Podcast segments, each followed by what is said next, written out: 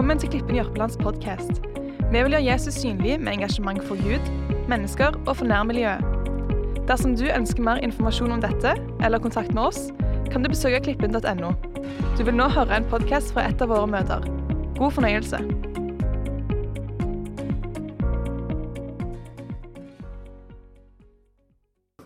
Det var en predikant som sa sånn Jeg har ikke klokke på veggen når jeg taler, men jeg har kalender. Sånn er det. Og I dag skal jeg på en måte prøve å eh, Eller jeg skal snakke om eh, han som overtok etter Elia, og det var Elisha. Vi har hørt mye om eh, Elia. Og Elias, eller Elisha han var kanskje litt mer ukjent. Hvem var han? Hva gjorde han egentlig? Han levde på midten av 800-tallet før Kristus. Og Vi kan lese om han i første og andre kongebok i Det gamle testamentet. Han kom fra landsbyen Abel Maum nær Jordan. Han var sønn av Safat og ble disippel og etterfølger av profeten Elia. Elisha hadde et inderlig ønske om å få en dobbelt del av Elias ånd. Og Da Elias ble hentet opp til himmelen i en ildovn, trukket av ildhester, så var Elisha der. Han eh, plukka opp kappen til sin mester. Over Jordanelven rullet han den sammen og slo den på vannet slik han hadde sett Elia gjøre. Og Elisha han eh, ropte modig, eller kanskje bare desperat, 'Hvor er Herren Elias Gud?' Og når han ropte det, da delte vannet i elven seg, og Elisha gikk tørrskodd over. Og han hadde fått nå en dobbelt del, som han ba om, av Elias ånd. Elia, eller Elisha skulle nå overstige sin mester i antall mirakler. Han eh, gjorde jorden og vannet i Jeriko frisk. Han helbreda Naman, denne hærføreren som eh, måtte dukke seg syv ganger i Jordan for eh, spedalskhet. Øksen som forsvant i vannet, fikk han til å flyte opp. Brødunderet hvor alle fikk spise seg mette. Og så vekka han et dødt barn til live. Og Det var Elisha som sa de kjente ordene som har trøstet veldig mange mennesker. Og Han sa det sånn Vær ikke redd. Det er flere som er med oss, enn som er med dem. Og Så ba Elisha og sa, Og Herre, lukk opp guttens øyne, så han kan se. Herren åpnet guttens øyne, og fikk se at fjellet var fylt av ildhester og ildånder. Det var litt om historien om Elisha, og nå husker du den. og da kan vi gå videre. Jeg tenkte da, Hva skal jeg på en måte ta for meg i denne store boka, andre kongebok? Og Jeg landa rett og slett ned på en tekst som jeg har lyst til å tale ut ifra i formiddag. Og Denne teksten den leser vi i andre kongebok, kapittel 4, og fra vers 1 til og med 7. Som en overskrift på det jeg har satt på talen i dag, det er at det finnes, eller at det er, et under i huset, og at Gud han bruker det du har. Og Vi leser her i eh, andre kongebok, kapittel 4, og vers 1 til og med 7.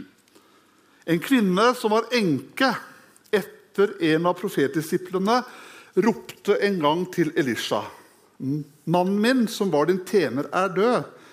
Du vet jo at han var en mann som fryktet Herren, og nå kommer en som han skyldte penger, og vil ta begge sønnene mine til preller. Elisha sa til henne, 'Hva kan jeg gjøre for deg?' 'Fortell meg hva du har i huset.' Og hun svarte, 'Din tjenesteskvinne har ikke annet i huset enn en krukke med olje.' Da sa han, 'Gå ut til alle dine naboer og be om å få låne kar, så mange tomme kar som du kan få tak i.' Så skal du gå inn igjen og stenge døren etter deg, og sønnene dine hell olje opp i alle disse karene, og sett dem bort når de er fulle. Kvinnen gikk fra ham, og hun stengte døren etter seg og sønnene sine.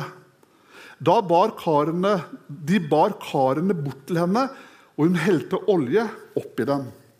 Da karene var fulle, sa han til en av sønnene, 'La meg få enda et kar.' 'Det er ikke flere', svarte han. Da holdt oljen opp å renne.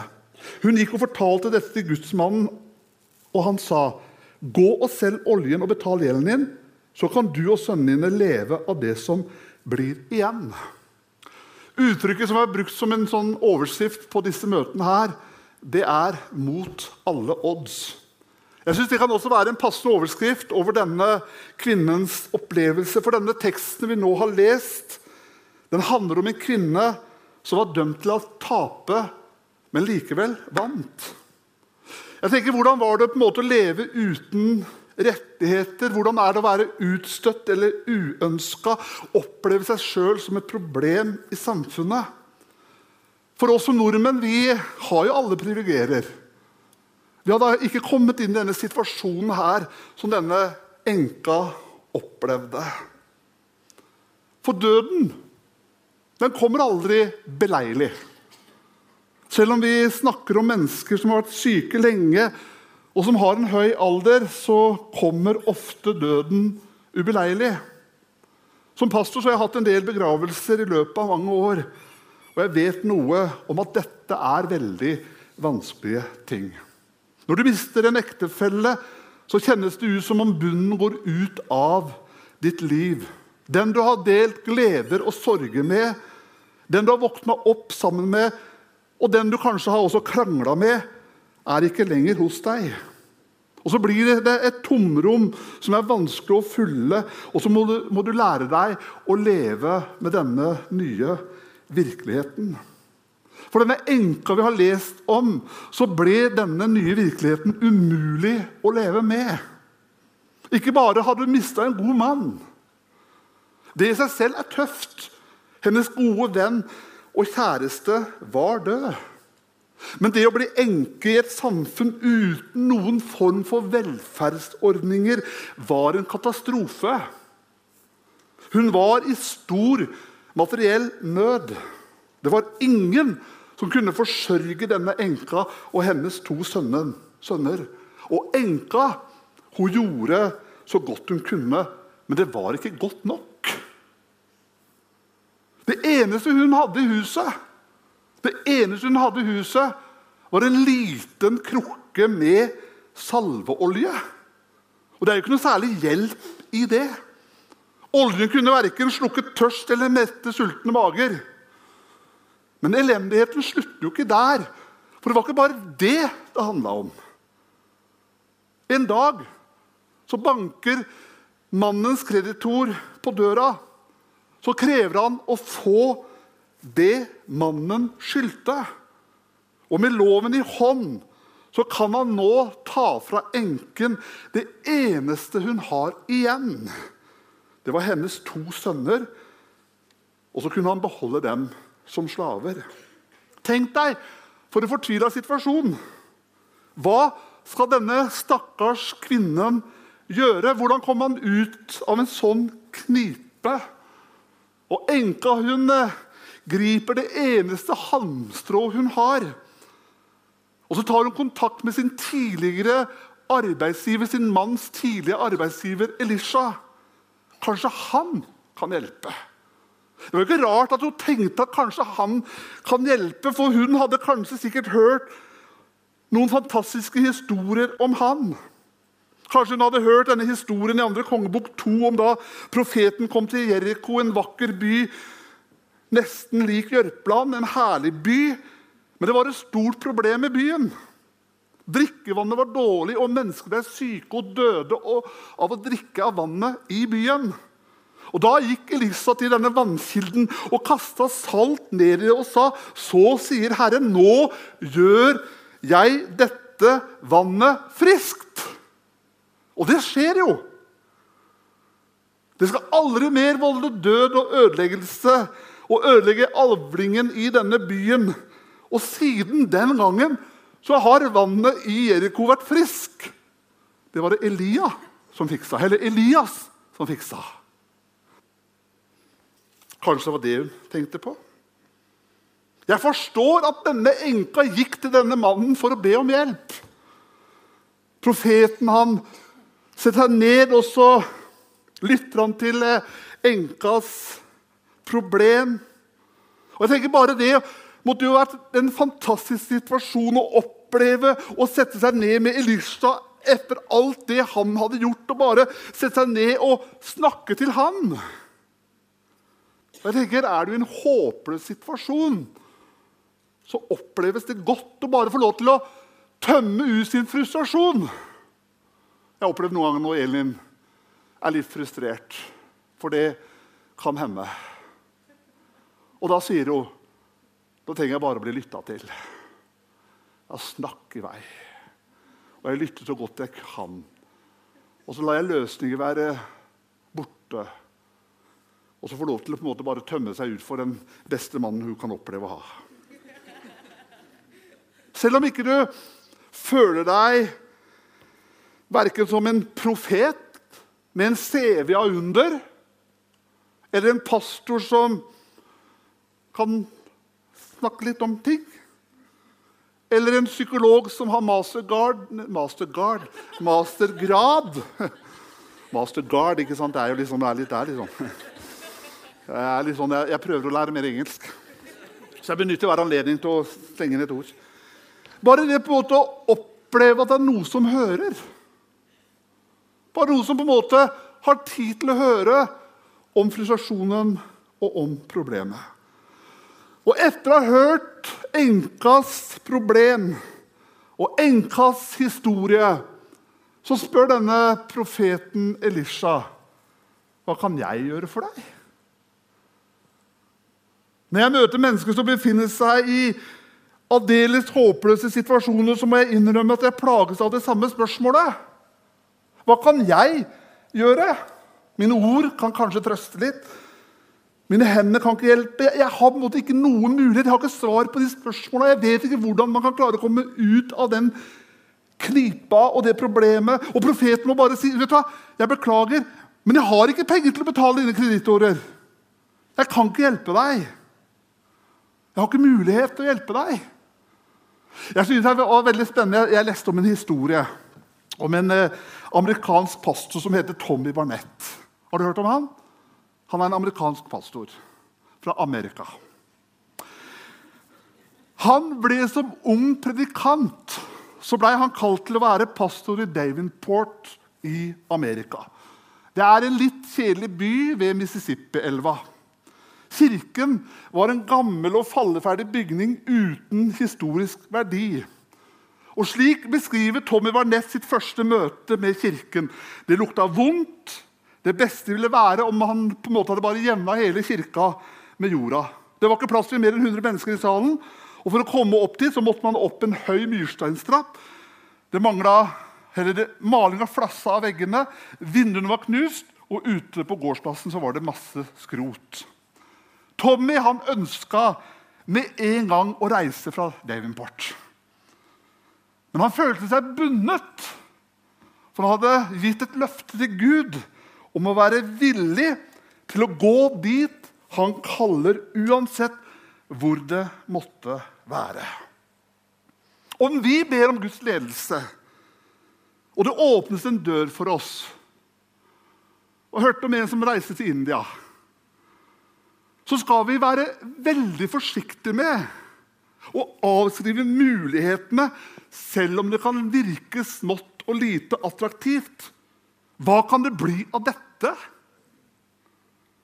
Jeg tror at vi noen ganger ikke opplever underet rett og slett fordi vi ikke leter der hvor Gud har plassert det. Ordspråket sier det sånn i kapittel 25 og vers 2. Det er Guds ære å skjule en sak, men konges ære å granske en sak. Og Tommy Varnett sin beskrivelse av denne første gudstjenesten i Davenport er veldig festlig. Søndag morgen kom. Møtet skulle begynne. Og På gudstjenesten så var det kommet 76 mennesker. Det var egentlig lite i en amerikansk by. Men allikevel så betrakta de det som en stor forsamling. Antagelig så kom en del av nysgjerrighet. De ville jo se litt på den nye pastor og den nye predikanten. Møtet det bedra ikke det første inntrykket. Sangen ble spilt på et gammelt, ustemt piano. Sanglederen sang ikke rent. Men det verste det var et lite kor som sang som om de opptrådte i en begravelse. Og Det må jo være leit når du kommer som første gang, og det er kanskje den menigheten man skal reise til. Det er et dårlig utgangspunkt. Forsamlingen var av samme slag.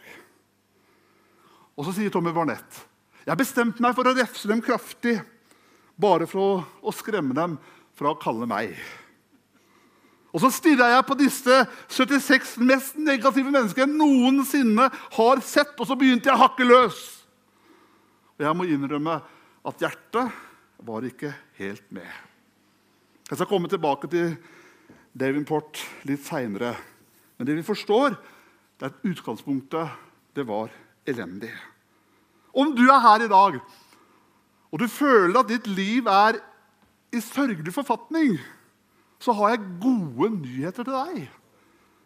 Uansett hvordan dine ytre omstendigheter er, selv om alt ser umulig ut, så finnes det et håp. Du må vite hvor du skal gå når du er i vanskeligheter, eller når du ikke vet hva du skal gjøre. Om du føler at du har det vanskelig, ikke sett lit til en pastor eller en predikant eller en lokal profet eller noe annet menneske. Om vi setter lit til mennesker, så vil vi bli skuffa før eller siden. Bare når den predikanten kommer, så vil noe skje. Bare når den kommer, så vil det i hvert fall skje. Vi gjør det veldig klokt i å gjøre som David når han sier i Salme 121.: Min hjelp kommer fra Herren, Han som skapte himmel og jord. Det var jo Elishas råd til denne kvinna. Ikke sett din lit til meg. Jeg er jo bare en profet. Gå til kilden for alle under. Guds visdom og hans hjelp overgår alt det noe menneske kan gjøre for deg. Og så spurte han Finn ut hva du har i huset. Et problem for oss er at vi blir så utrolig fort opptatt av det vi ikke har. At vi ikke ser mulighetene i det vi allerede har. Tenk deg at du er enka i denne historien. Du vet at skal jeg ha en sjanse for å overleve, så må jeg finne meg en ny mann. Så må jeg ha hjelp. Det er jo fristende å tenke at jeg har jo ingenting. Jeg er ingenting. Vi tenker det så fort, og så tenker jeg men vi har jo ikke noe. Det kan vi på en måte liksom si til oss sjøl, men, men, vi tenker det samme ofte også i menighetsliv, i kirka også. Hadde vi bare hatt mer penger, hadde vi bare hatt det og det eller det og det, hadde vi bare hatt flere og bedre ledere, så ville ting begynne å skje. Hadde vi bare hatt Det er en veldig konstruktiv tankegang. Det er en veldig dårlig tankegang å hele tiden tenke på det vi ikke har. Profeten begynner å hjelpe denne enka til å begynne å tenke konstruktivt. Og så spør han men hva har du i huset, da? Hva er det du egentlig har? Enka må innrømme at det er ikke stort. Men så begynner hun å tenke at jo, jeg har en liten krukke med salveolje. Det var ikke rare greiene. Men det skulle vise seg til å være nok til å redde hele hennes familie når Gud fikk velsigne det lille hun hadde. Det var ikke så veldig mye å skryte av i denne menigheten i Davenport til Tommy Barnett heller. Men det skulle vise seg at det var også noe i huset der som Gud kunne bruke. Det var en eldre dame i menigheten. Over 80 år. Mrs. Bobby Stoltenmeier het hun. Hun var nylig blitt en kristen, og hun fortalte at hun hadde et hjerte for evangelisering. Og hver fredag over 80 år Jeg bare sier det. Og hver fredag det siste halve året så hadde hun gått rundt i byen og vitna for folk. Og Nå lurte hun på om pastor Tommy ville være med. Det er klart Når du blir bedt av en 80-åring på evangelisering, så kan du ikke si nei som pastor. Det er helt umulig å si at du ikke har tid. Da må du. Og Han ble med henne neste fredag. De prata med noen folk. Ingen kom til tro. Neste fredag var det en eldre mann som tok imot Jesus. Og mens jeg stoltet meg på 80 år var stolt over å kunne ta med denne nyfrelste, gamle mannen på møte. Og så gikk denne gamle mannen fram og vitna om at han hadde opplevd Jesus. Og den døende menigheten blei begeistra. Etter hvert så blei flere og flere med i menigheten grepet av en iver etter å se mennesker bli frelst. Snart fant menigheten ut at de trang en buss for å hente alle de nye som hadde blitt invitert med til kirka. De kjøpte først en buss, så kjøper de to, og så kjøper de tre busser. Og Så fyller de bussene opp med folk de hadde snakka med på gata, og tok dem med på gudstjeneste, og hundrevis av mennesker begynte å tro på Jesus. Kirken ble snart for liten. De fikk et nytt bygg, og folk strømma til fra alle kanter. Det var vekkelse i Davenport.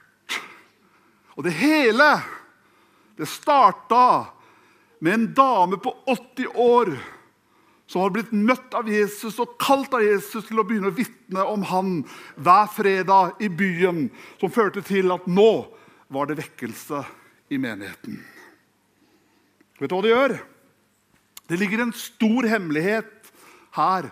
At Gud, han bruker det vi har i huset.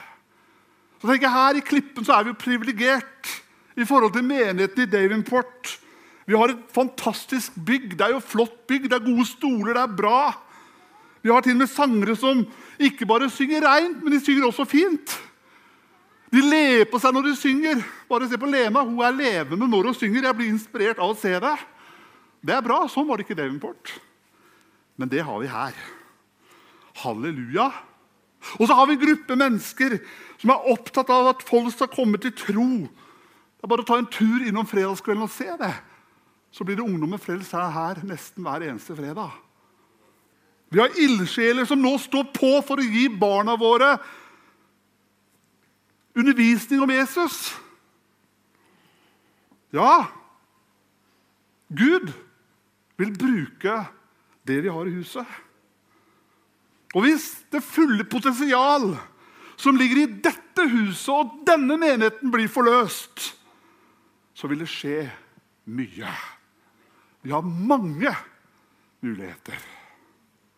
Jeg håper vi ser det og tror det. La deg ikke lamme av det negative, men se, det, se mulighetene vi har. Det er fort å bli veldig negativ, men det å bli og se mulighetene Profeten spør enka, 'Fortell meg hva du har i huset.' Hun svarte, 'Din tjenestekvinne har ikke annet i huset enn en krukke med olje.' Når Elisa spør enka hva hun har, så får han et negativt svar. Det er ikke rare greiene. Det er bare en liten salvekrukke. Sånn kan vi også tenke om oss sjøl og det vi har å bidra med. Jeg har ingenting. Jeg kan ingenting. Og jeg blir ingenting. Janteloven vil innbille oss at det er sant. Men Gud han vil at vi skal se på virkeligheten med andre øyne. Han vil at du og jeg skal se at du er skapt unik, at du er verdifull, at du har også noe å bidra med. At du har noe du kan bidra med som ingen andre kan klare å, å gjøre bedre enn deg. At Gud han ønsker å åpne våre øyne, så vi kan se og oppdage alt det Gud har gitt oss, og bruke det i tjeneste for Han. Amen. Takk for responsen. Det mest tragiske som kan skje, det er at vi graver ned våre talenter. Det er jo stemme det at vi en dag skal svare på hvordan vi brukte de gaver Gud har gitt oss. For han har gitt oss noe for at vi skal investere det i Guds rike. Det gjelder din tid, det gjelder dine penger, og det gjelder dine evner. Det er jo ikke slik at vi legger ut penger i Guds rike og på Guds rike. Nei, vi investerer penger i Guds rike. Og så opplever vi at han velsigner oss tilbake. Om ikke alltid i kroner og ører, men på så mange andre måter. Derfor kan jeg trygt anbefale at du er med og gir inn i denne menigheten her. Troen er ikke tro før du gjør noe. Tro krever handling. Og etter at hun hadde sagt at ja, men jeg har jo ikke annet enn en liten eh, salvekrukke Men så sier jo profeten Elisa noe til henne. da. Ja, men nå må du se å komme deg ut. Nå må du ikke sitte stille i huset og vente på at ting skal komme til deg. Men nå må, må du gå ut og så må du gå til alle dine naboer og så må du låne så mange tomme kar du kan. Profeten han eh, ber enkene om å gå til sine naboer og spørre om å få låne kar. Så mange som mulig. Hun måtte aktiviseres om hun skulle forvente et under. De fleste mennesker er det sånn at vi skal, og vi vil at du skal handle på deres egne vegne, men først så må de selv handle i tro. Vi må ikke begrense Gud. Lurer på hva naboene tenkte når enka fløy rundt i nabolaget og spurte om å få låne kar til å helle olje i. Det er klart at eh, De begynte å spørre seg nå at hun har nok møtt veggen. Hun har et problem. Hun sliter litt nå. Hun har kanskje gått litt fra konseptet. denne gamle enka. Vet du hva? I menigheten så trenger vi alle karene. De som har vært her når denne menigheten ble starta. De som er nydelig nylig kommet. De som er unge. De som er godt voksne. Guds velsignelse vil flyte så lenge han har kar til å fylle. Prinsippet for vekst i menigheten er enkelt. Så lenge folk sier 'Her er jeg med et tomt kar'. Jeg har ikke all verden å bidra med, men Gud, ta meg og bruk meg. Da vil Han fylle deg og utruste deg og bruke deg. I det øyeblikk vi ikke er villige til å stille oss til Guds disposisjon, så stanser veksten. Ja, hva skal vi gjøre? Jo, vi må hele tiden sette ut nye kar. I vekstfase så er det farlig å slå seg til ro og tenke, og på en måte tenke at ja, nå går alt bra. Nå har vi det så sabla greit.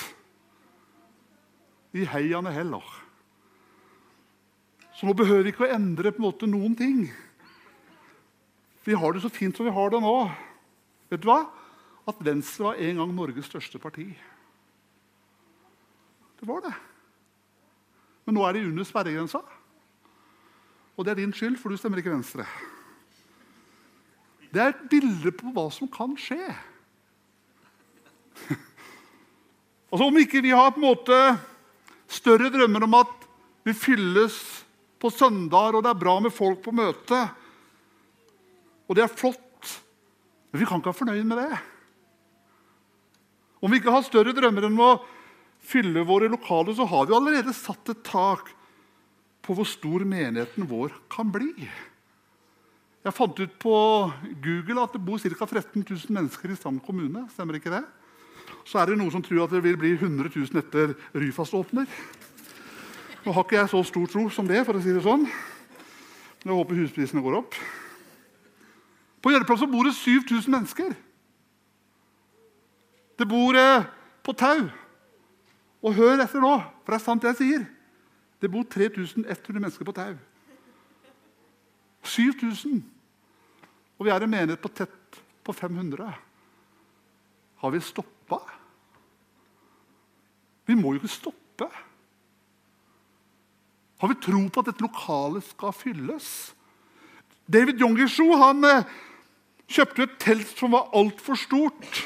Og Hver eneste søndag så ønska han alle på galleriet velkommen, men det satt ikke, satt ikke et eneste menneske der. Men han hadde en drøm om at det skulle fylles. Og Nå ønsker jeg hele denne rekka deg velkommen her i formiddag. Det er koselig å se deg. Jeg ser de drømme.